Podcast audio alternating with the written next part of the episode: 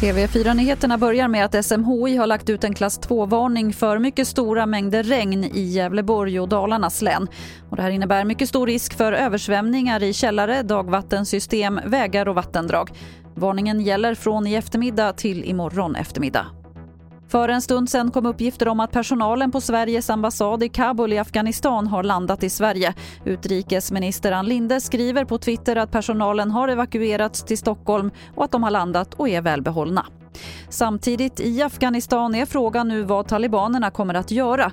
Afghanistan-expert Helene Lackenbauer på Totalförsvarets forskningsinstitut tror att de kommer att försöka få den nya Islamiska staten att bli internationellt erkänd och på så sätt få behålla bistånd och undvika att bli isolerade. Trots att de har tagit makten militärt så vill de eh, fortfarande vara en legitim politisk internationell spelare. Och eh, de vill också framförallt behålla biståndet för att biståndet är avgörande för Afghanistans framtid och utveckling.